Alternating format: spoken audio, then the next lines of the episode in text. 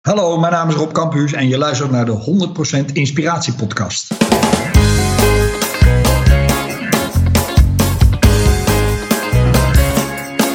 Hey, wat goed dat je luistert. Hij staat weer voor je klaar. Je wekelijkse dosis inspiratie is weer daar. De allerleukste gasten geven al hun kennis prijs. Met je veel te blije host, hij praat je bij. Zijn naam is Thijs. Thijs,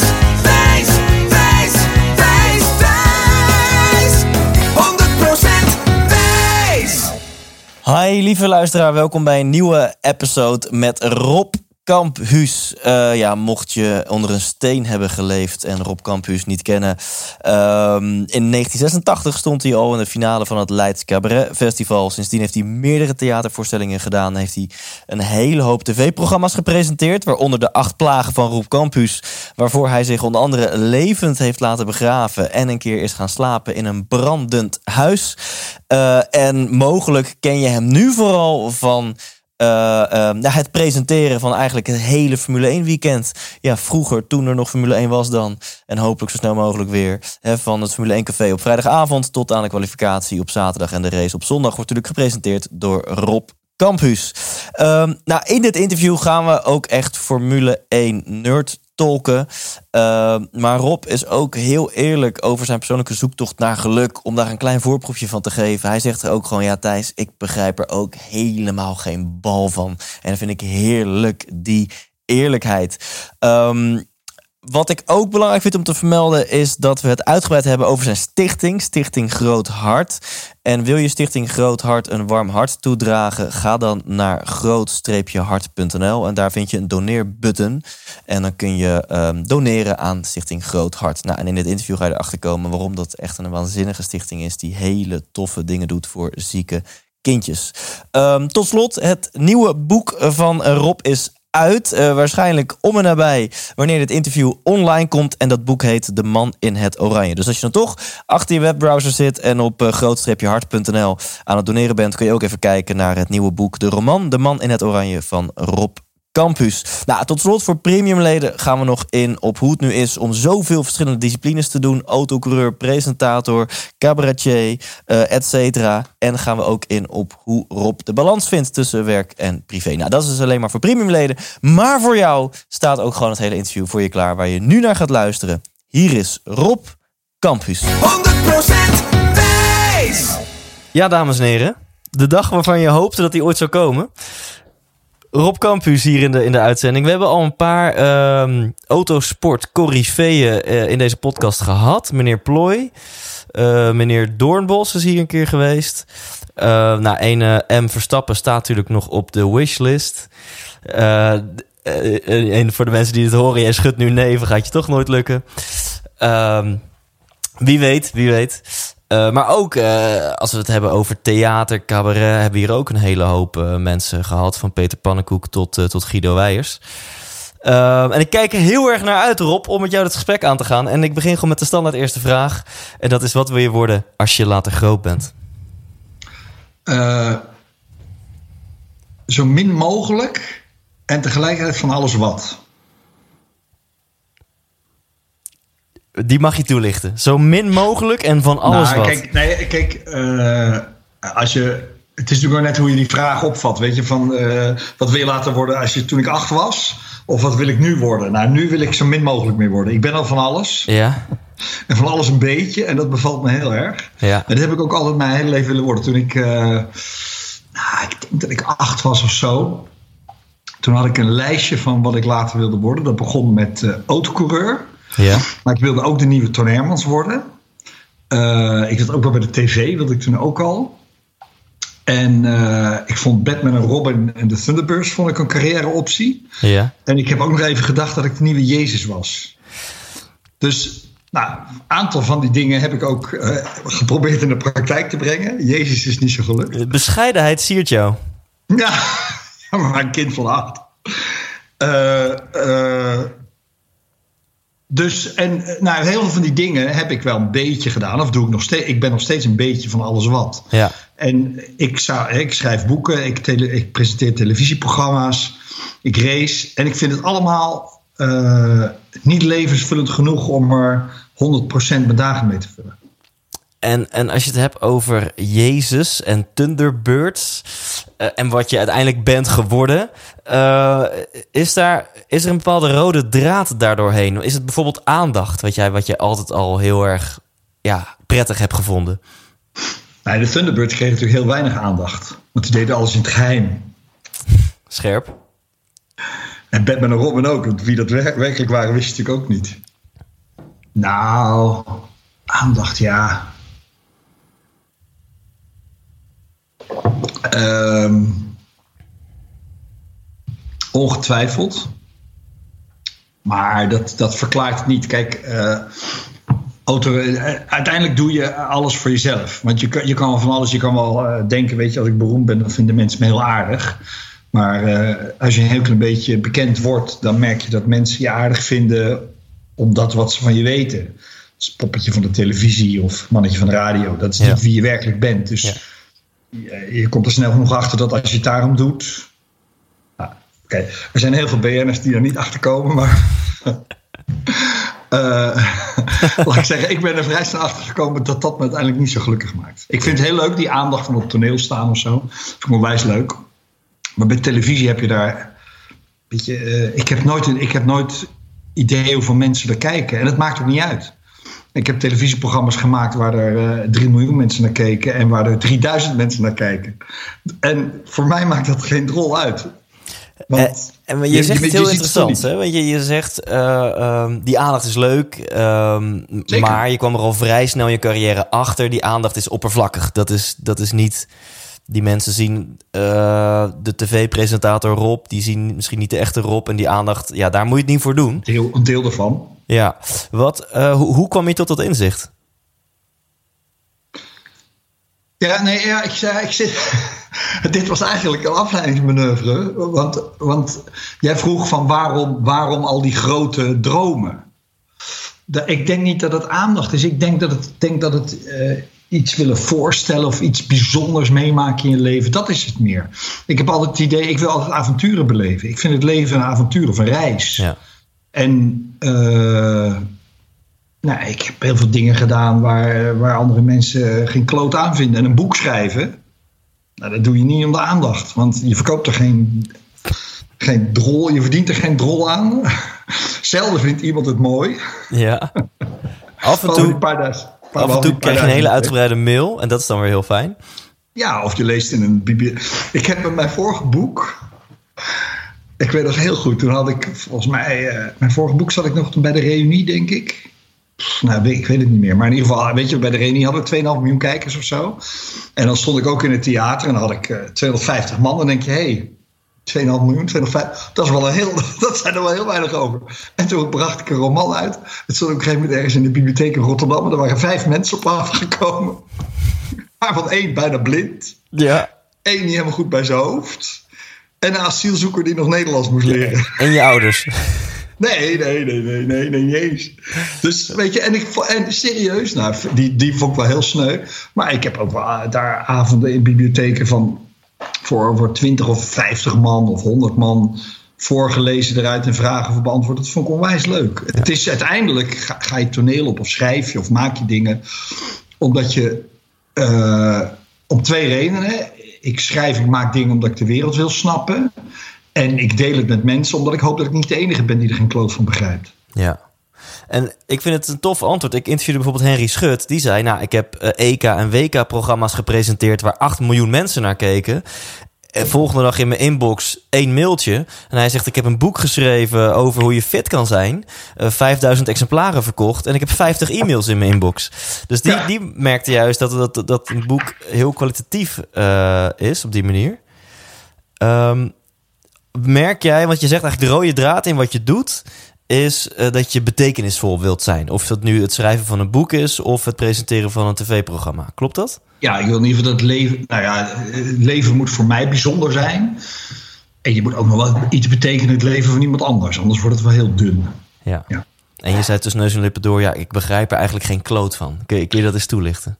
Nee, ik begrijp niks van. Uh, mijn hele leven is, is, is erop gebaseerd dat ik denk: hoe, hoe werkt dat nou mensen? Hoe werken relaties? Hoe werkt liefde? Hoe werkt geluk? Hoe werkt. Hoe, hoe zit de wereld in elkaar? ik, ik, ik, ik, ik verbaas me iedere keer weer over. Ik denk, nou, ik ben bijna 60. Ik denk, nou, zal nou toch wel begrijpen. En dan doen mensen weer raar. Of, of nou ja, je hoeft, maar, je hoeft maar naar Trump te kijken om te denken... zijn die Amerikanen dan met z'n allen collectief gek geworden? Of uh, Thierry Baudet.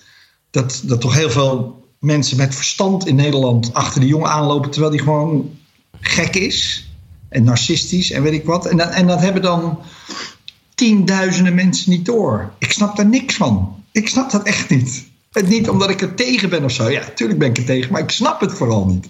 Ja, en, en in jouw persoonlijke zoektocht naar, naar liefde en geluk. Wat, wat, wat, snap je daar niet aan? Hè? Want, en laten we vooropstellen, ik vind dit tof. Je bent eerlijk en, en 80% van mijn luisteraar denkt nu... ja, hij zegt wat ik ook voel en denk. Dus nee, maar, is... Ik heb heel veel relaties achter de rug gehad. En ik heb iets van vijf uh, relaties met vrouwen. Serieuze relaties, lang, lang lopend, meerdere jaren. Hè? En, en dan loopt dat toch fout. En dat zal ongetwijfeld aan mij liggen hoor, daar gaat het niet om. Maar natuurlijk ook aan hun. Ja. En als je dan jaren later terugdenkt, wat ging, wat ging er nou eigenlijk fout? Nou, kijk, als je, als je dat echt wist, waren het niet zoveel echtscheidingen. Toch? Je, je wordt verliefd op iemand uh, en dan maak je er dan een veel te mooi plaatje van. Weet je, dat is dan helemaal. Nou, dat gaat altijd tegenvallen. Omgekeerd geldt precies hetzelfde. En dan denken ze, oh, die campus is altijd vrolijk. Nou, ik ben een bloedzaggerijn af en toe. Als mijn boek niet lukt, dan echt kan je mij, kan je mij opvegen. Nou, dat valt altijd tegen. Toch? De, dus, dus dan denk ik, ja, hoe kan het nou, hoe kan het nou dat, we dat, dat we daar dan soms jaren voor nodig hebben voordat we eerlijk genoeg zijn om dat toe te geven. En dat we dan ook niet in staat zijn om te denken, nou, eh, gelukkig alle mensen die wel bij elkaar blijven wel, vind ik ook heel knap. Ja. Die dan kunnen zeggen, nou, oh ja, nou ja, is iemand anders dan ik dacht, nou ja, ook leuk. Of, nou ja, zo is het. Nou, heb je je vinger daarop kunnen leggen dan? Is er iets waarvan je denkt, ja, nou dat, dat heb ik geleerd uit relaties. Of in een volgende relatie, als ik dat anders doe, dan blijven we misschien wel 30 jaar bij elkaar. Nou, dat zal heel moeilijk worden. nou, ik, ik, wil zo dadelijk weten wat je dagcreme is. Want eh, je bent 59 lentes jong, maar je ziet eruit als, als 29. Ja, nou... Um, tja, nee, ja. Nee, je, je, je mag wel hopen dat je jezelf beter leert kennen in de loop der jaren. En dat je dat je, je eigen tekortkomingen niet uh, uitzendt op die ander. Ja en niet uh, voortdurend het slachtoffer daarvan bent. Ja.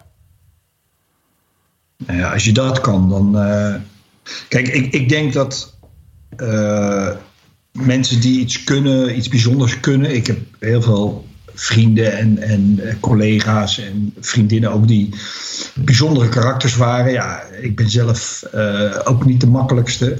Bijzondere mensen hebben bijzondere eigenschappen. Dus ook bijzondere tekortkomingen. Ja.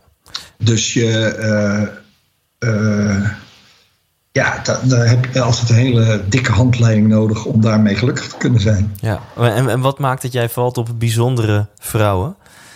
Nou ja, dat heb ik net al gezegd. Als je zelf hoopt de Thunderbirds te worden, dan wil je ook Lady Penelope uh, in je bed. ja, oké, oké. Ja.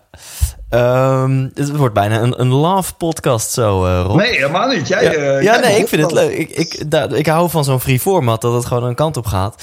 Ik, ik heb een, ik heb over een... Baudet en Trump en jij maakt er de liefde van. dus jij, jij, doet zo, hè? Ik vind het prima. Ja, ja, ja. Nou ja, ik, ik, ik, ik kan wel ook wel nu aan jou vragen... wat maakt dat je je verbaast over Baudet en Trump? Uh, um, maar ja, dan gaan we de politiek in. Toch?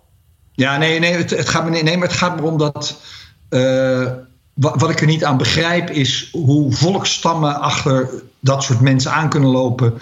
Terwijl je, als je gewoon naar je intuïtie luistert, direct ziet uh, het onbetrouwbaar, leugenachtig. Ik, ik heb eens iemand gesproken die bij Baudet had gezeten in zijn partij. En, uh, en die was weggelopen, weggestuurd naar een van die mensen die ruzie had gehad. En die zei: Ja, die man is volkomen onbetrouwbaar. Daar klopt niks van. Ja. Zeg maar, dat wist je toch. De allereerste keer dat je me ontmoette, ging toch je haar overeind. Ja, ja, ja. Maar dan denk ik, ja, hoe kunnen mensen zo... ja, of jij hebt gewoon een betere sensor dan de meeste mensen. Ja, meestal wel. je bent gewoon een gevoelige jongen. Ja. Um, ja. En je, wat ik tof vind aan jou, je zei het net ook al, hè, van alles een beetje. Uh, ik bedoel, je bent natuurlijk begonnen als, als, als cabaretier, theater, eh, coureur, televisiepresentator. Journalist, hè? Meneer journalist. Ja, journalist, eh, ehm, auteur. Ehm, pap. ja, is allemaal waar. Is allemaal waar. Ja, en, ja, ja. En, en ja, wat maakt, misschien een moeilijke vraag, maar wat maakt dat dat, dat eh, jouw ideale leven is? Om dus van een aantal disciplines een beetje te doen. In plaats van dat je zegt, ik ben fulltime accountant, of ik ben fulltime coureur, of ik ben fulltime presentator. Nou, nergens goed genoeg in. Dat is één. Snel afgeleid, snel verveeld. Dat is twee. En ik, denk ook eh, dat het niet meer van deze tijd is om, eh, als je 50 jaar actief bent, om 50 jaar lang eh, accountant te zijn. Zonder van je talent. Als wij, als wij de lagere school of de middelbare school zelfs nog, weet je, dan worden we van alles gestimuleerd. Er worden moeten tekenen, we moeten zingen, we moeten muziek maken. En dan kom je van de middelbare school af en dan is het allemaal, ja, maar daar ben je niet goed genoeg in. En dan, en dan raken mensen dan met piano aan. Zonde, zonde. Als je, ik weet niet, speel jij piano of eh, instrument? Eh, drummen. Oh ja, dat zag ik ja. Op je, op je webpage. Ja. Nou, ik kan helemaal niet drummen, maar dat is toch heerlijk om te doen. Om af en toe even die stokken. Als je een drumster ziet, dan wil je toch als kind weer erachter zitten. Ja, Ja. Het is, zonde, het is zonde om. Tuurlijk, als je in iets heel goed wil zijn, dan moet je je wel daarin specialiseren en op richten. En dat doe ik natuurlijk ook wel. Maar ik, alles wat ik doe, probeer ik heel goed te doen. Maar ik geloof niet dat als je 12 uur iets doet, dat je dan beter wordt dan als je iets twee uur met hart en ziel doet. Eh, als je iets 12 uur doet, dan word je niet beter in dan als je iets twee uur met hart en ziel Nee. doet. Nee, je kan beter twee uur iets met hart en ziel doen dan 12 uur met tegenzin. Ja, ja, ja. En eh, nou, je zegt met eh, in mijn mond wat valse bescheidenheid. Hè, van eh, ik, ik ben ergens echt goed in of zoiets, zei je. Hè, daarom doe ik zoveel dingen. Ja, nergens de beste. Nergens de beste. Nee, nou, stel, hè, dat vind ik dus. stel, je, bent, je wordt morgen wakker en je bent wel ineens de beste. De beste autocoureur ter wereld. Als je morgen wakker wordt. Dan was ik beroepsautocoureur. Oké, oké. Dan, dan, dan zeg je van ja, nee, dan wil ik geen leven met verschillende disciplines. Ken jij Theo Nijland, het liedjeschrijver, singer-songwriter? Nee? Ja, dat vinden alle cabaretiers en liedjeschrijvers vinden dat eh, unaniem de beste singer-songwriter van Nederland. En eh, eh, in de theatergroep waar ik vroeger in zat, schreef ik de liedteksten en Hans Riemes en Hans Puilis de muziek. Nou, dat was best verdienstelijk, maar niet Theo Nijland. Ja. Dus toen ik solo ging, toen dacht ik, ja, kut jongens, een anderhalf uur op het toneel staan ouwe hoeren. Moet er niet een liedje in? Maar ik dacht, ja, ik achter een piano, dat geronkentonk van mij. En toen kwam ik Theo tegen. En eh, toen zei ik, waarom ga je niet gewoon een liedje zingen? Je, je kan toch prima zingen en eh, akkoorden neerleggen, dan is het toch goed genoeg? Toen zei ik ook, ja, als ik kon zingen zoals hij, liedjes kon schrijven zoals hij, piano kon spelen zoals hij, ja, dan, ja, dan, dan was dat het enige wat ik nog deed in mijn leven. Stond ik in carré, weet ik zeker. Ik zei, ja, maar het is toch stom? Omdat jij van jezelf vindt dat je niet de Ajax van de, van de cabaret bent, hou je er mij helemaal mee op. En toen heeft hij geholpen een paar liedjes te schrijven. Waar ik vervolgens heel hard op moest oefenen om überhaupt die akkoorden aan mijn poten te krijgen. Toen dacht ik, ja, dat is natuurlijk wel waar. Maar ik weet donders goed dat ik niet de beste daarin ben. Ja, jij hebt natuurlijk al net als singer-songwriter de theaters van Nederland helemaal gek gemaakt. Met de laatste vijf minuten van eh, het theaterprogramma samen met eh, je vriend Doornbos. Blowing in the wind. Ja, toch? Heel leuk om te doen. Ja, absoluut. Ehm, en ehm, wat voor intelligentie wou ik daarover vragen? Nou, la- laten we anders... Wat ik heel interessant vind is dat eh, eh, miljoenen Alle mensen... kanten op dit. Het gaat helemaal nergens heen, dit. Wat zeg je? Het gaat helemaal nergens heen, hè, dit gesprek. Het gaat alle kanten op. Ja, het gaat, het gaat alle kanten op. Wat, Ja. moet, wat moeten we daarmee? Lijkt me heel goed. Wat, dat het alle kanten op gaat? Ja, ontsporen. Ja, dat, is- dat, dat, dat vind ik fijn aan dit format. Dat hier gaan straks 10.000 eh, plus mensen naar luisteren. En die zijn aan het schoonmaken of aan het sporten of zitten in de auto. En denken, hé, hey, wat een heerlijk gesprek zonder kop of staart. dat, ik, ik zeg het maar naar mezelf, om, omdat ik dat hoop. Ja. Dat ze dat denken, ja. Ja, nou ja, we zijn goed bezig. Ja. nou, en, en kijk, mensen hebben natuurlijk afgelopen nou, 20 minuutjes al, al, al wat kunnen voelen, proeven, horen van, van Rob Campus. Veel mensen kennen je natuurlijk van tv. Dan, dan, dan heb je een, een functie, zeker bij de Formule 1-programma's. Hè, dan, dan ben je in dienst van, van dat programma. Ehm, wat is ja, kan je wat vertellen over de persoon Rob Campus, die we dus niet op tv zien? Want je zei net al van, nou, ik ben eigenlijk veel, ik ben ook wel eens zagrijnig. Mensen denken misschien dat ik altijd vrolijk ben. Hè, maar wat, wat is de persoon Rob Campus uh, privé die wij op tv niet zien? Nou, dit. Maar uh, ja, dat is ja, als ik schrijf, boeken schrijf, komt dat nog Nee, ja, nee, kijk, het klopt niet helemaal dat je, weet je, dat de persoon die op tv ziet dat ik dat niet ben. Dat is een heel groot deel van wie ik ben, maar het is niet alles. Ik, ik ben op tv niet heel anders dan ik, dan ik het dagelijks leven ben. Maar op tv ben je altijd een beetje opgefokt, een beetje vrolijker dan je, ja, dan je 24 uur per dag bent. Ook nu, weet je, wij, wij doen heel geïnteresseerd in elkaar terwijl we kennen elkaar niet. Ja, dat ga ik niet bij iedereen in de supermarkt doen. Nee dat, dat, dat, dat roept het werk met zich, dat brengt het werk met zich mee. Maar ik ben misschien iets bedachtzamer, uh, minder, uh, minder bij de hand in het dagelijks leven en uh, misschien iets socialer. Ja. En dan om toch lekker van hot naar her te blijven gaan, hoe ga jij nu als Formule 1-fan om met het feit dat er geen Grand Prix zijn? Ik vind het heerlijk. Nee! Wat is dit nou? Nou, ik moest een roman afschrijven, dus dat kwam me heel goed uit. Ik had een deadline op 1 april die ik niet ging halen. Dus ja. uh, die heb ik nu wel gehaald. Um, nou, nee, ik, ik hou ontzettend van autosport. Um, nou, ik mis het nog niet. Uh, zodat ik denk, ik vlieg tegen de muren op wel sport in zijn algemeenheid. Want ik, keek, ik kijk niet alleen maar Formule 1, maar ook Formule 2 en 3 en DTM en Tourwagens en Le Mans uiteraard, omdat ik er zelf aan mee heb gedaan. Dus uh, als ik me verveel of me niet lekker in mijn vel zit, waarschijnlijk heel veel mensen hebben met sport, dan ga je even iets kijken. Dat kan nu niet, want er is niks of het is een herhaling die je al tien keer gezien hebt. Dat vind ik lastig. Maar die ene Formule 1 race, Nee, nee, het kan nog wel. Maar 5 juli willen ze nu beginnen. Dat is nog, dat is nog anderhalve maand, even denken. Nee, twee maanden. Nee, juni, dat is, dat, is, dat is nog tien weken, man. Ja. Ja, het is wel heel lang. Maar, maar weet je wat het raar is? Wij, wij mogen van Ziggo Sport wel het Formule 1 café maken. Dat is die talkshow die we elke vrijdagavond hebben met uh, ja, Coronel en Jack Ploy en uh, Robert Dormels wat rijden van Gameren. En Rick Winkelman. Een beetje soort, voor de mensen die het niet kennen, een soort VI, maar dan autosport en niet zo uitgesproken als die man hoor. Dat zijn wel heel erg kern. En, gewoon kwalitatief een veel beter programma eigenlijk. Uh, en dat mogen wij van de directie uh, blijven maken. Wat ik onwijs leuk vind en echt een risico. Want toen we ermee begonnen, riepen een aantal andere uh, autosportlieden die riepen niet over ons, maar dat het in het algemeen hypocriet was en, en amoreel om nu uh, over iets anders dan over de coronacrisis te hebben. Terwijl wij dachten, nee, maar we hebben het eind van de week juist onwijs behoefte om even iets anders te hebben. En we maken nu reportages en we uh, zenden oude Grand Prix uit met opnieuw commentaar erbij. En als ik heel eerlijk ben, vind ik dat leuker om te doen dan de vrijdagen dat er een Grand Prix is. Het is net wat meer verdieping, het is wat echter, het is wat dichter bij onszelf. En daar heb ik het hartstikke druk mee, want het is veel meer werk voor hetzelfde geld uiteraard, dan, uh, dan dat we normaal gesproken hadden.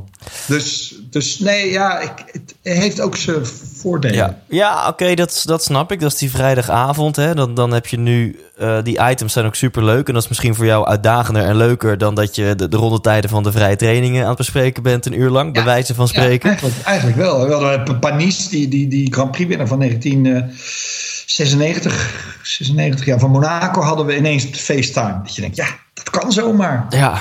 Hartstikke leuk. Ja. Alleen dan heb je nog de zondag. Ik wil toen, toen Australië niet doorging, heb, heb ik uh, uh, ja, eigenlijk in, in de voetenshouding drie dagen op de bank gelegen. En toen dacht ik, nou ja, één Grand Prix kan ik mentaal nog wel aan. Maar het zijn er nu acht. Weet je wel? Ja, ja. Nou, heel veel online racen. Ja, je, je bent, je bent ik, Oké, ik, ik denk er komt, er komt uitje van het is verschrikkelijk en het is uh, dagen aftellen, maar je, ben, je bent er helemaal oké mee. Nou, er, komt, nee, er komt minder geld binnen, dat vind ik verontrustend. Snap ik. mijn, mijn, mijn hypotheek verstrekt, nee, nee, het valt al wel mee hoor. Maar... Ja, dan heb je het over de, de, de praatjes voor het zakelijke segment, of, of niet? Nou ja, nee, maar ik krijg per aflevering betaald, ik ben in loondienst. Dus ah, als uh, ja. drie kwart van de uitzendingen wegvallen, nou, dan krijg ik drie kwart meer. Ik ga er maar kwart betaald van ik normaal krijg. Ja. Maar goed, dat overleef ik wel een tijdje. En dan straks, als die Grand Prix allemaal doorgaan, komt dat, dan stikken we van het werk waarschijnlijk. Dus nou ja, weet je. En dan verdienen we een jaar minder. Nou ja, vooruit maar. Nee, nee, maar ik vind online serieus. serieus. Uh, ik, ik heb me helemaal op het online racen gestort. Dus ik, als ik zelf, uh, als dit af is, dan ga ik waarschijnlijk weer achter de computer. Ja. En dat is echt booming in Nederland. Er zijn, we hebben nu een groepje met een aantal Formule 3 coureurs, een aantal beroepscoureurs die dat allemaal aan het doen zijn. Ja, hoe gaaf is het als jij gewoon straks achter je PC kan stappen en tegen echte profcoureurs kan racen op je sim.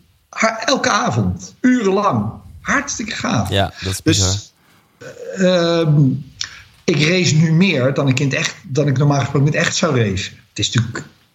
Het is surrogaat, het is margarine in plaats van echte boter. Maar weet je, het is toch broodbeleg. Ja. Het is toch je boterham. Ja, dus, dus zit je nu echt een paar uur per dag achter je sim?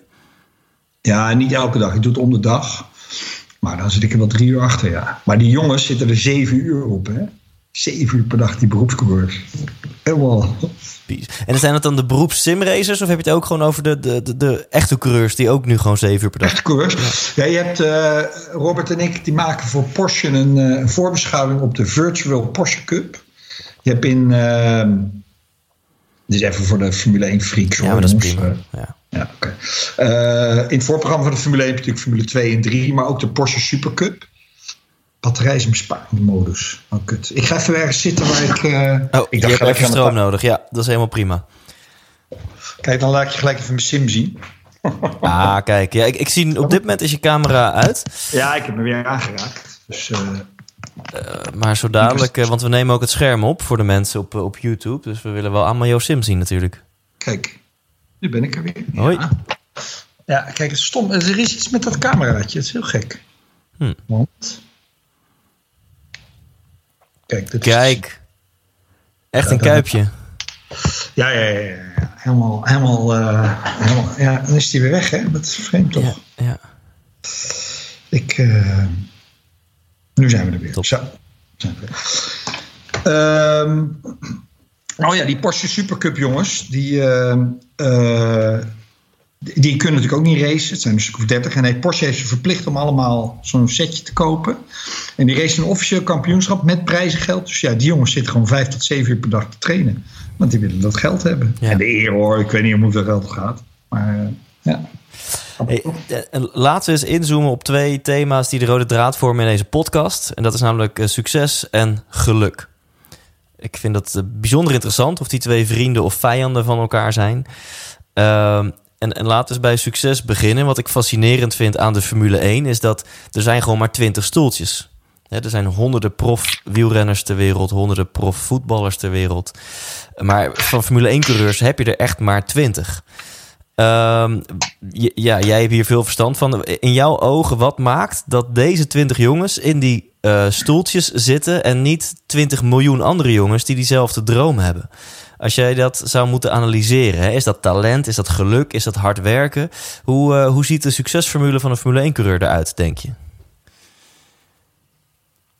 Ja, je zegt 20 miljoen, maar dat zijn er natuurlijk niet. Als je nu uh, in de klasse eromheen kijkt, om de Formule 1 heen, dan zijn er nog wel misschien 100, 200 coureurs ter wereld die ook aanspraak maken zouden kunnen op zo'n plekje. En waarom die het dan niet halen, uh, heel veel heeft met nationaliteit te maken. Uh, Nederlandse autocoureurs hebben over het algemeen veel minder kans, omdat de Nederlandse markt niet interessant is. Dus als een sponsor uh, in Azië wil, veel verkopen, ja, ja, dan pak je liever een coureur die daar vandaan komt, of Zuid-Amerika. Plus, heel veel coureurs nemen geld mee.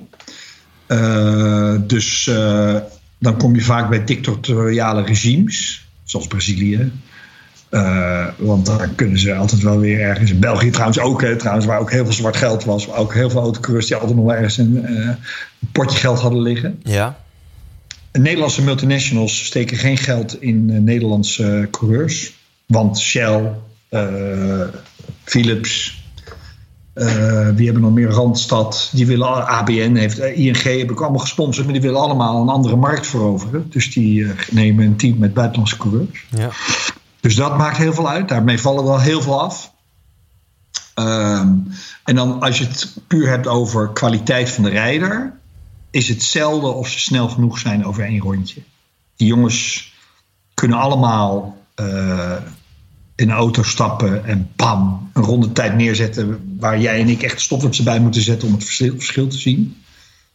Maar het maakt uit of je met een groot team kan werken in de, alle klassen onder de Formule 1 uh, met een standaard auto.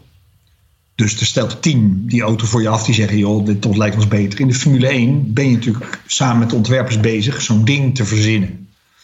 Dus je moet veel technischer zijn. Max is bijvoorbeeld enorm goed in zeggen wat hij aan die auto voelt. Uh, je moet dus ook heel goed in teamverband kunnen werken. Het lijkt een hele individuele sport, maar tegendeels waar. Je moet met een heel groot team kunnen werken. Je moet met je vuist op tafel kunnen slaan, maar ook uh, realistisch genoeg zijn om niet uh, met je hoofd in de wolken te lopen. Ik denk dat met name. En dan moet je ook nog met enorme druk om kunnen gaan. Ik denk ook dat heel veel jongens dat niet kunnen. Ja. Zag je aan, zie je aan die Gasly, hè, die ja. prima autocoureur is. Maar uh, in Albon gaat hetzelfde mee gebeuren. Die kunnen, niet, die kunnen gewoon niet tegen dat er één jongen gewoon echt beter is dan zij.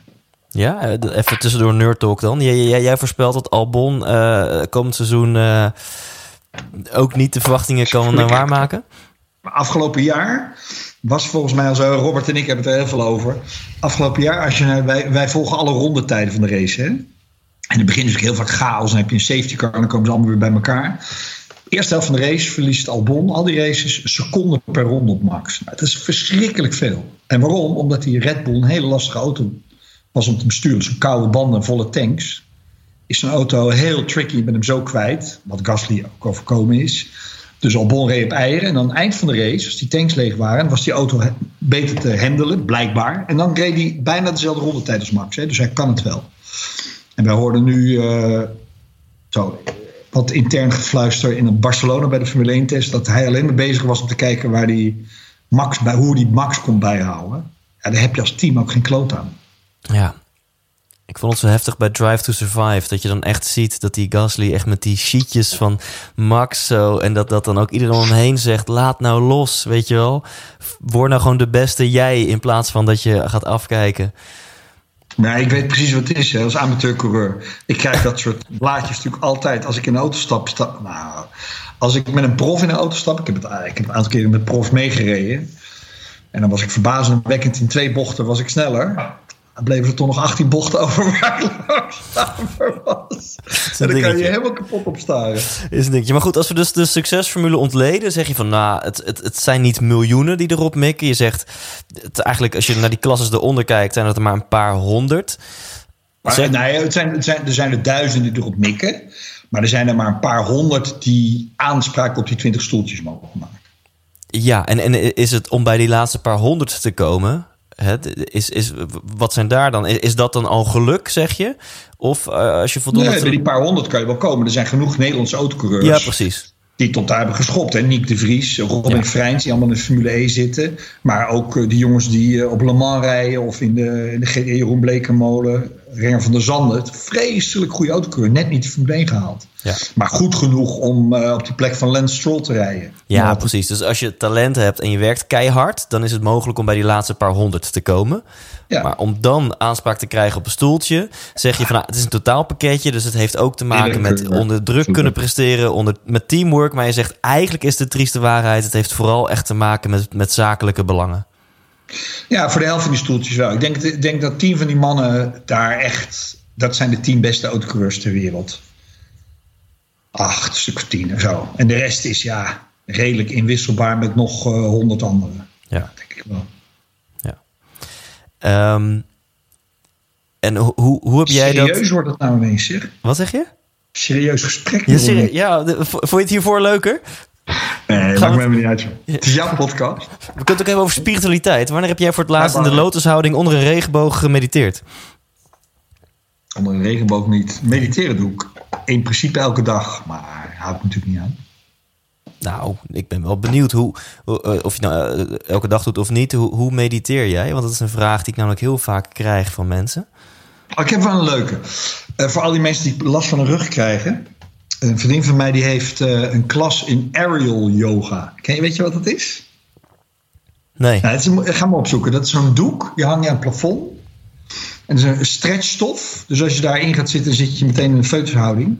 En dan kan je allerlei van die eh Soleil-achtige oefeningen doen. Van ondersteboven hangen. Maar dan eh, rekt je ruggengraat natuurlijk heel mooi uit. En je, je, je rekt je spieren veel beter op. Het is best pittig hoor, maar je rekt je spieren veel beter op. Maar als je daarin gaat zitten mediteren, heb je veel meer steun in je onderrug. Hmm. Ben je, niet zo, ben je ook niet zo bezig met, oh, als ik maar recht blijf zitten. Dus als je alleen een gongetje aanzet, dan ben je, ben je weg. Ben je gewoon een half uur of twintig minuten ben je gewoon weg. Maar dan ben je gewoon aan het tukken. Nee, natuurlijk niet, want je zit rechtop. Oh, oké, oké. Nee, je zit gewoon een loodshouding. Ja, ja oké, oké. En, en, en doe je dat met, met een begeleidend muziekje of met een begeleidende stem? Nee. En wa- waar, waar focus jij je dan op? Wat, wat doe je in je hoofd? Ja, niks. Zo min mogelijk. Elke gedachte die komt, la- laat maar waaien. Toch? Dat is toch de... Ik heb ooit... Met mijn vorige vriendin wilden wij naar India. En ik wilde eh, naar een of andere afgelegen provincie om, iets, om een pilot te draaien voor een documentaire die ik wilde maken. En zij had als tegeneis dat ze een week in zo'n. eh, eh, in retraite wilde. In een. eh, in een eh, hoe heet het? ehm, eh, hoe heet zo'n ding nou? Een, ah, Vipassana? Nee, maar hoe heet zo'n oord nou? Zo'n Zo'n, stilte eh, ja, ja, precies. Ja. Toen moesten we 's ochtends om zes uur op. Een kamertje wat geen airco had. Of als de airco aanstond, dan was je meteen verkouden de volgende ochtend. En eh, zes uur op en tot negen uur mocht er niet gesproken worden. En je mocht ook niet naar buiten. En we vonden het allebei na drie dagen. Zeiden we, we willen hier weg, we willen hier weg. Ze stonden van het geld. Oké, we gaan het vijf dagen volhouden. En toen vonden we het uiteindelijk heel leuk. En toen bleek later dat zonder dat geld het slechtste argument was geweest. Want die hele week kostte met kosten inwoner voor twee personen 120 euro. Dus we hadden prima weg kunnen gaan. Dat is onze Calvinistische inslag. Ja. En, Maar vond ik verschrikkelijk. Ik vond het achteraf, het was zoiets dat je achteraf kan zeggen, leuk om gedaan ja, te ja, hebben. maar wat, wat vond je er verschrikkelijk aan? Ja, gewoon ontzettend zwaar. Als je, sowieso mannen kunnen helemaal niet goed mediteren. Maar zeker niet als je veel krachttraining doet. Veel te korte beentjes. Korte spiertjes. Dus ik, ik, lag bijna de hele dag alleen maar kermend van de spierpijn op mijn bed. Ja. Tot ik vier uur middags weer een uur moest yoga. Ja, ik vind het ook wel opmerkelijk. dat Ik denk, is dat de bedoeling van mediteren? Dat je in die, die. Je kan toch ook mediteren zonder in die houding te zitten, die voor de meeste mannen gewoon onmogelijk is? Ja, maar niemand verplicht je om die houding te nemen. Maar je moet niet gaan liggen en je ogen dicht, doen, dan ga je pitten. Ja. Het gaat natuurlijk om dat je actief blijft. Ja. Ja. Je hoofd leegmaken doe je niet door te slapen. Want de volgende ochtend word je wakker en dan heb je weer dezelfde zorgen en paniek. En, eh, Nee, je, je, je staat gewoon even op stop, maar je bent dan niet nee. tot rust aan het komen of zo. Nee. En ehm, vind jij het lekker om, om, om, als het gaat om... eh, Kijk, iedereen zit in een soort van zoektocht naar geluk in het leven. Dat zei je net ook. Van, nou, het, is een leven, het zit vol met avonturen en ik begrijp er geen zak van. En je schrijft daarover en dan vind je het leuk als, als, als mensen zich daarin kunnen herkennen. Van, hé, hey, ik begrijp er ook geen zak van. Wat leuk om de verhalen van Rob te lezen. Wat, wat geeft het jou, wat, wat vind jij er zo leuk aan om, om daarover te schrijven?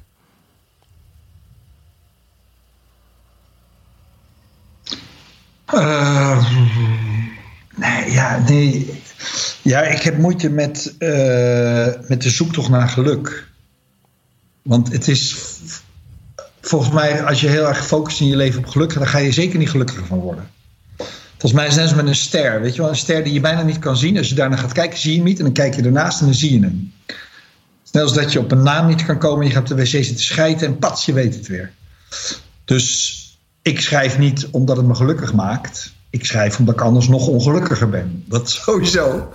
Omdat het moet. Omdat het moet van mezelf. En ik word heel gelukkig van een mooie zin.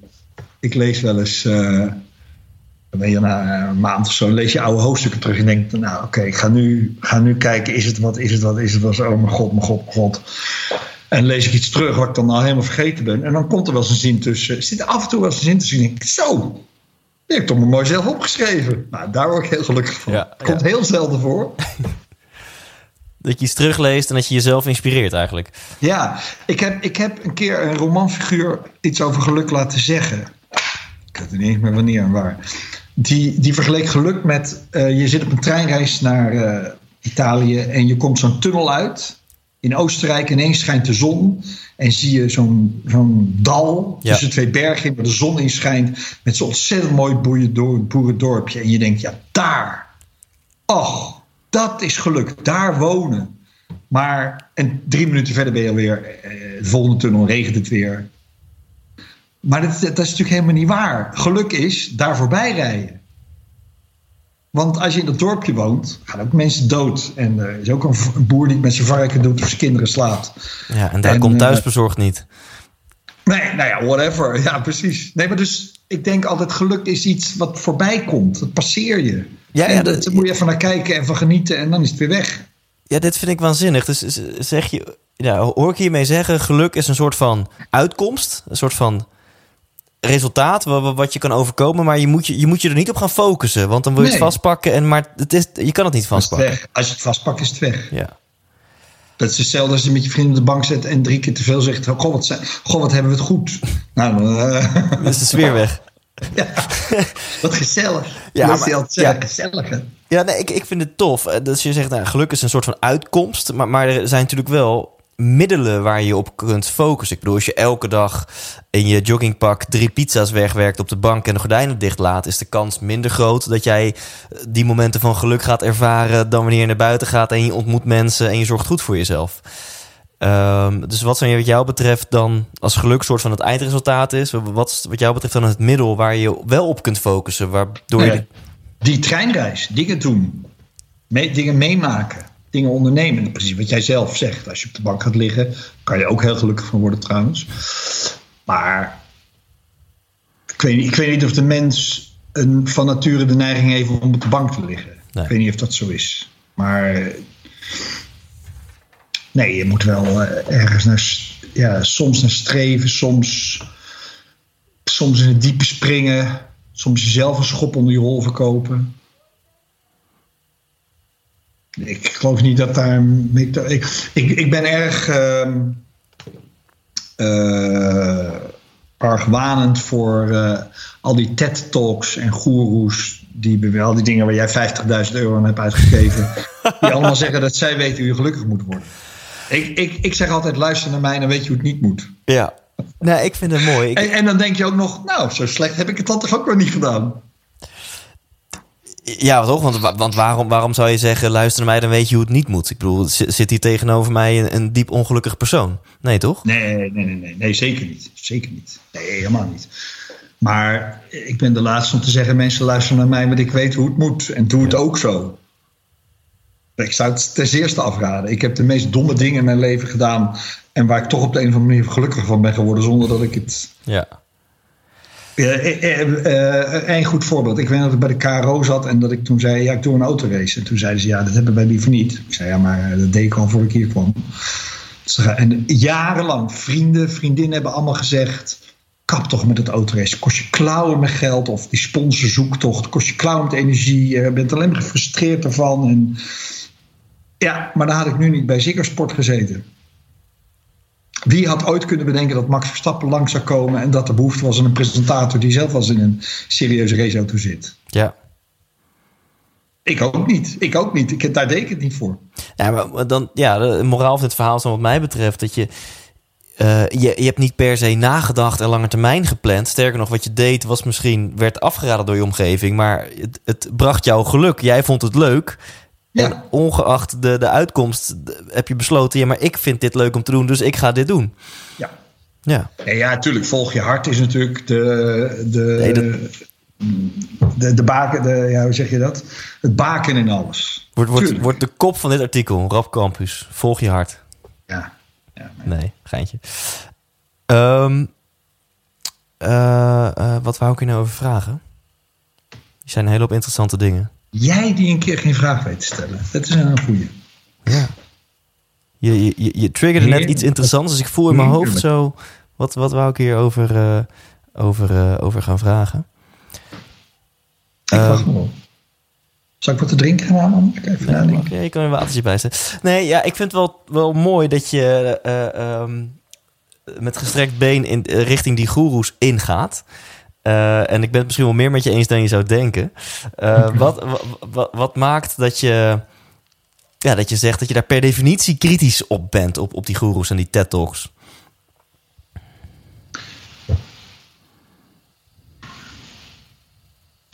Nou, per definitie weet ik niet. Maar ehm, nou, ik, ik word argwanend als iemand dingen zeker weet. Daar kan ik heel slecht tegen. En eh, ik heb zelf een hele wijze haptonoom. En ik heb ook psychotherapie en alles gehad. Die me zeer veel geholpen hebben. En die mensen hebben allemaal gezegd... Nou, uiteindelijk zou je het toch zelf moeten doen. En je zou je eigen weg moeten vinden. Dus dan denk je, hè, shit, heb ik eens iemand waar ik wat aan heb? Zeggen ze dat ik het nog zelf uit moet zoeken. Daar betaal je een 100 euro per sessie voor. Ja, precies. Nou, is het niet zo, Rob, dat... ehm, Nee, weet- Nee, weet je wat het is? Weet je wat me irriteert? Eh, is dat je heel vaak. eh, ik kom natuurlijk wel op de congressen die ik dan presenteer. En dan is er iemand die heeft heel veel tegenslagen gehad. En is die altijd sterker uit geworden. En nooit staat er iemand op dat podium die er, die er slechter van is geworden. Terwijl ik denk, ja maar, ja, maar niet van alles wat je in het leven meemaakt, word je wijzer of beter of een beter mens. Ik- soms moet je er gewoon doorheen worstelen. Ja. Ja, en het is, het is wel ook altijd als ze kwetsbaar zijn, om maar zo te zeggen, dan is het van: hey, vroeger was ik net als jullie, had ik ook eh, dat mijn werk shit was, of mijn leven Ja. shit was, of Ja, wat dan ook. ja. Maar ik heb dit en dit en dit gedaan en kijk mij nu. Terwijl ze zeggen bijna nooit van jongens, ik werd vanochtend wakker en ik ben heel eerlijk, ik weet het ook eigenlijk helemaal niet. Ik heb geen idee of ik wel de juiste dingen doe, of ik wel echt gelukkig ben. Nou, heerlijk. Naar die, naar die TED-talk wil ik nog wel. Ja.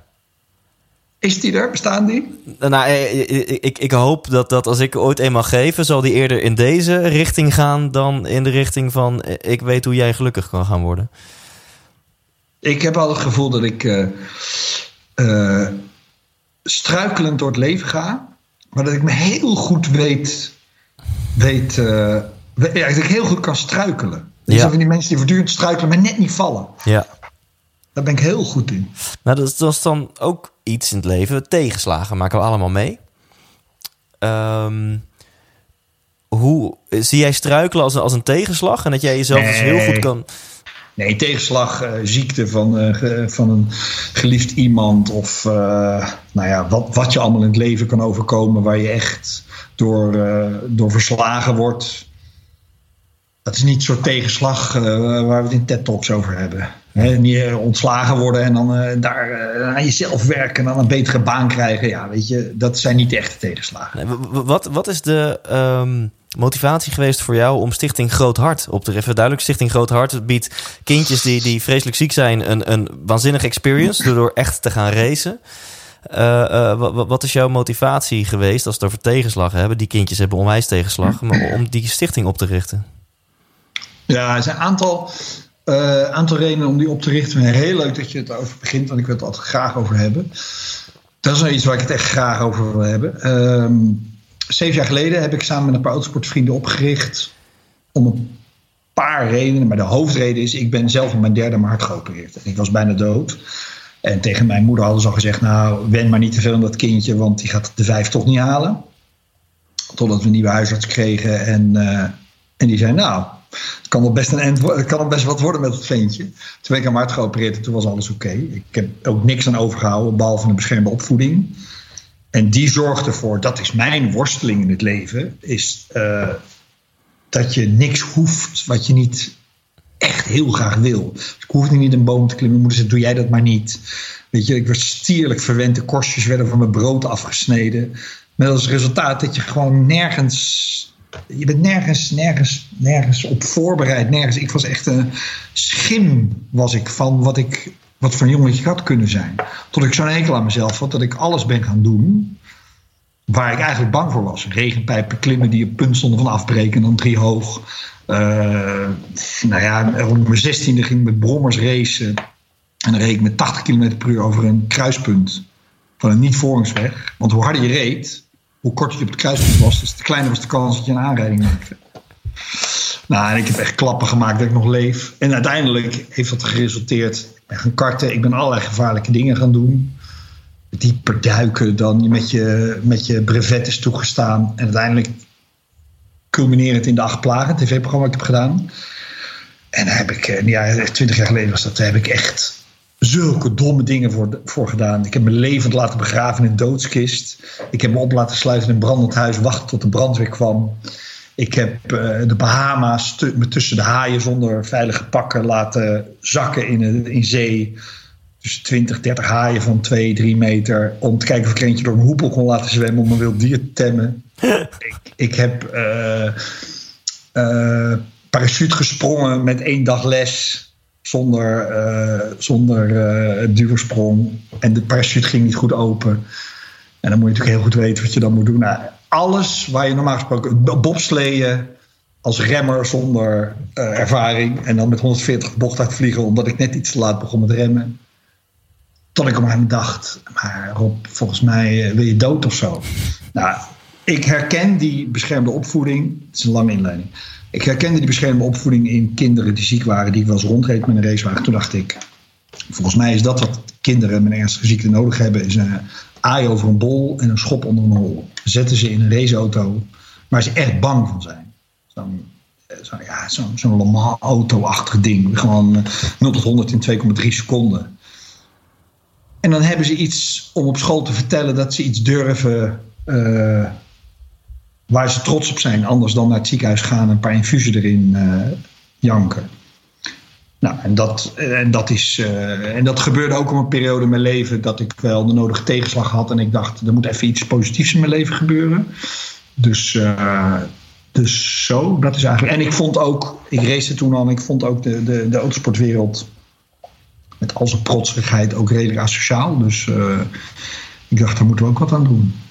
Maar de voornaamste reden is, ik herken in kinderen die ernstig ziek zijn of ernstig ziek zijn geweest. Ja, ik herken iets van mezelf die, uh, die worsteling om wat, die, die enorme drang om wat van het leven te maken en tegelijkertijd enorme angst van alles en iedereen om je heen uh, om je niet te verliezen. Ja, want die kindjes die ernstig ziek zijn, die worden natuurlijk extreem beschermd opgevoed ja. en opgegroeid. Ja. ja.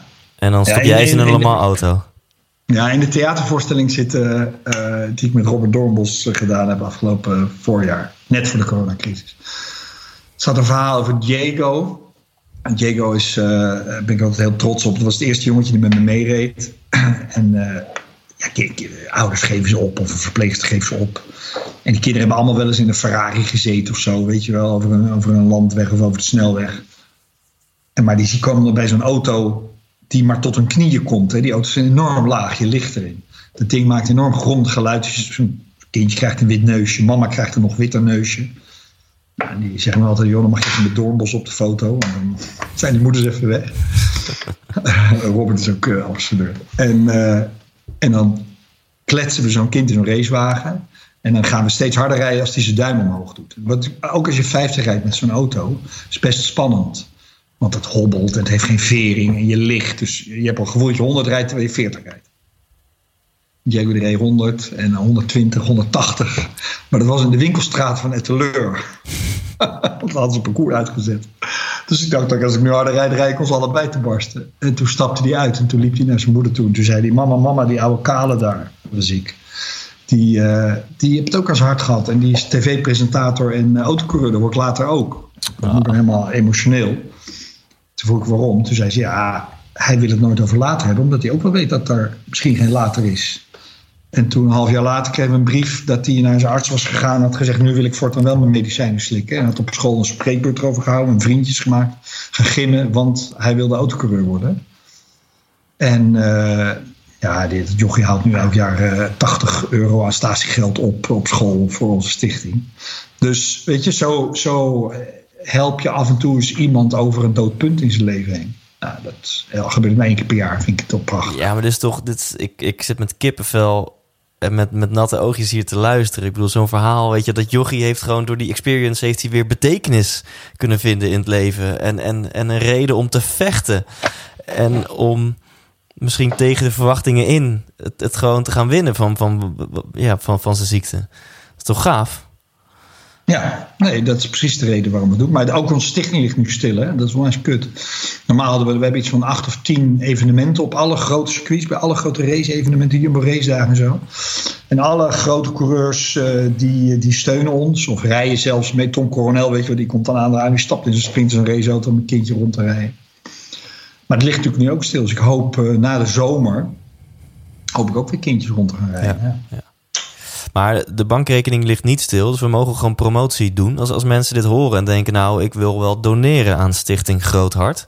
Uh, hoe ja, kan Stichting dat? Groot-hart.nl, er zit een donatieknop.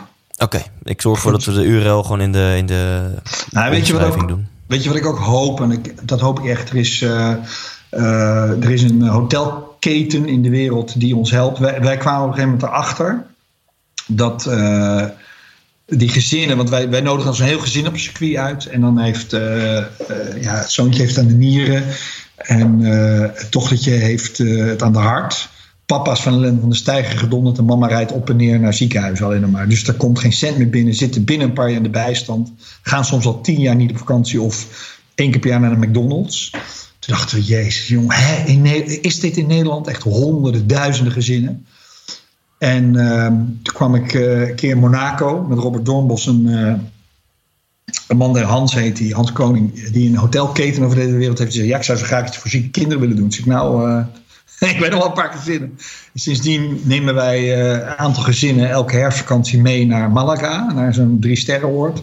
Dan gaan we ook met ze op een circuit en ze mogen dolfijnen kijken. Maar al die hotels die liggen natuurlijk op, op een rug nu. Wij hoeven daar nooit wat aan te betalen. Ik geloof dat we alles is gesponsord. Maar ja, dit wordt wel deze herfst. Zou ik heel graag weer gaan. We, hadden, we hadden, vorig jaar hadden we een familie. Dat was echt zo. Er was uh, een moeder met drie kinderen. En die waren 14, 15 en 16 of zo. Weet je, nou ja, 14, tussen de 14 en 18. Die hadden allemaal een stofwisselingsziekte. En die moesten onder drie kwartier te eten hebben, dag en nacht. Dus die moeder, die sliep gewoon niet. En die reed 30.000 kilometer per kwartaal van ziekenhuis naar specialist. Nog nooit op vakantie geweest. Die stonden te huilen bij het ontbijt. Dat hun kinderen eindelijk weer eens net zoveel op konden scheppen als ze wilden. Wow. Dat je denkt, Nederland, je moet je oog uit je kop schamen dat je dit toestaat. Alleen maar omdat iemand ziek wordt. En haar man had een eigen bedrijf gehad. Ja, had hij moeten verkopen. Nou, je krijgt geen uitkering. Je moet eerst als je eigen huis moet je eerst je eigen huis opvreten voor je, voor je het weten, dat randje, en zeker nu ook met die coronatijd, er gaan nu ook gezinnen gewoon over het randje donderen. Ja.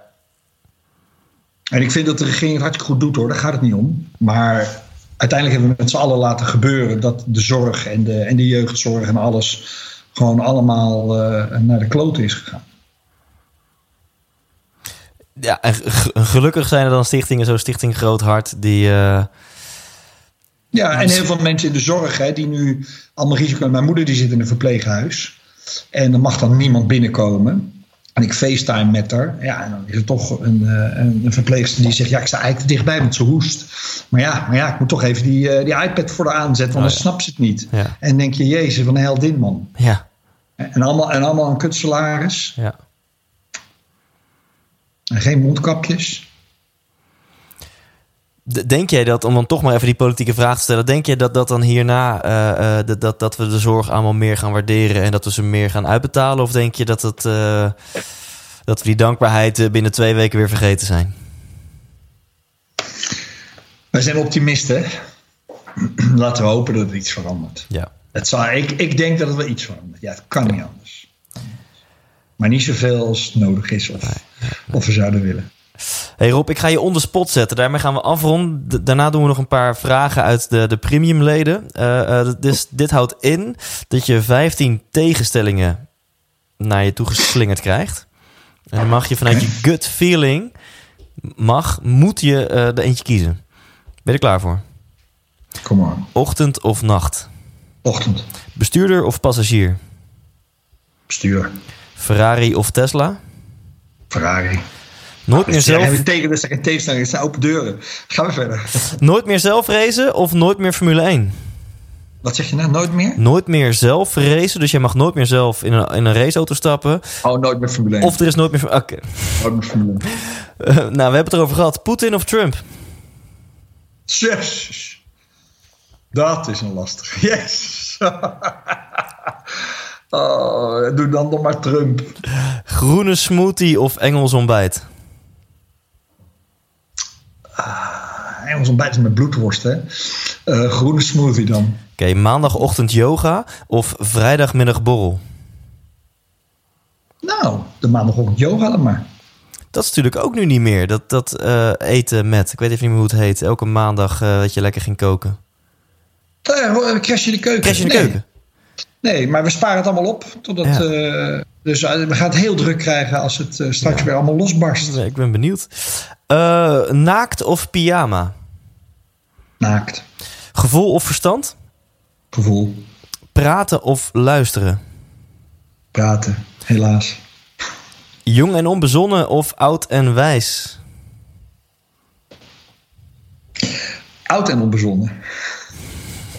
Hutje op de hei of herenhuis aan de gracht? Hutje op de hei. Oh, easy. Eh, mooi. Eh, Justin Timberlake of Justin Bieber? Nou, doe Bieber maar. Oké. Klassieke muziek of death metal? Nee, klassieke muziek. Nooit meer seks of nooit meer muziek? Oh. Phew.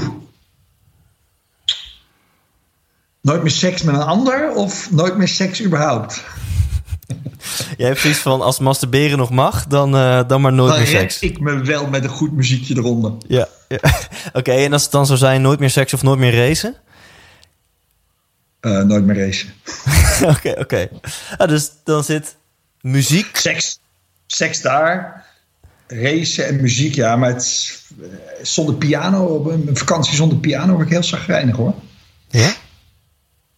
Nee, Maar een vakantie zonder seks ook. Ja, ja, wou het zeggen. Nou, hier, kun- hier kun je nog even over nadenken. Risico's nemen of op veilig spelen? Risico's nemen, altijd. Geld maakt gelukkig of geld maakt ongelukkig? Nee, geld maakt wel gelukkig. Als je maar weet hoe je ermee omgaat. Nederland uit en er nooit meer in of Nederland in en er nooit meer uit? In en er nooit meer uit. De laatste één dag koning of één dag kind?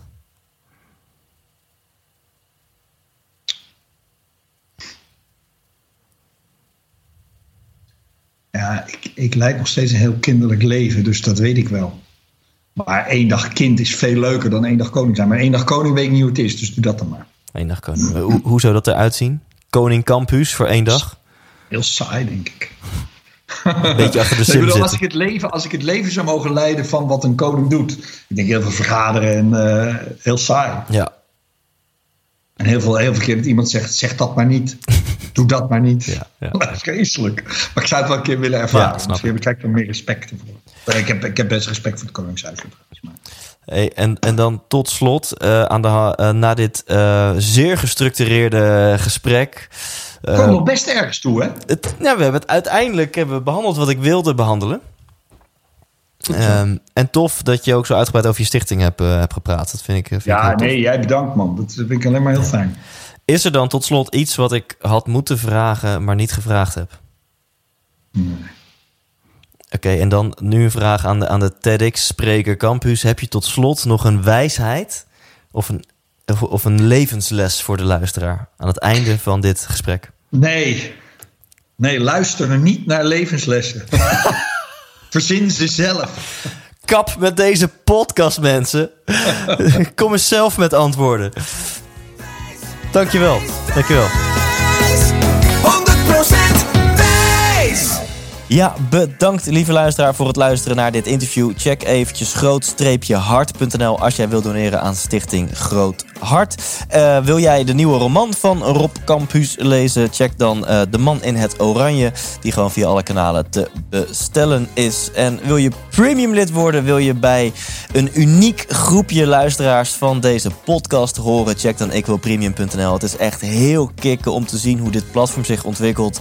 eh, hoeveel leden daar positiviteit, vragen, ideeën met elkaar, inzichten met elkaar uitwisselen. Maar ook gewoon de berg aan eh, content die je daar vindt. Ik ben echt mega trots op dit platform. Sterker nog, Volgens mij concurreer ik gewoon heel veel andere producten op het gebied van persoonlijke groei keihard de markt uit. Omdat dit echt een schat is aan, uh, aan uh, tips, inzichten en wijsheden als het gaat om persoonlijke groei. Dus ga dat alsjeblieft checken. Je gaat het echt heel tof vinden. Ik wil premium.nl.